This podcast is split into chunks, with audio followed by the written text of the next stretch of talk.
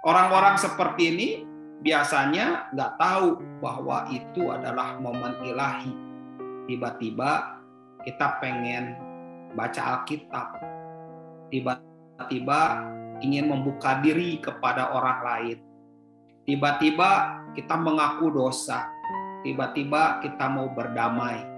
Tiba-tiba kita bisa merendahkan diri dan berkata, "Maaf ya, aku minta maaf." Itu adalah perkara momen ilahi.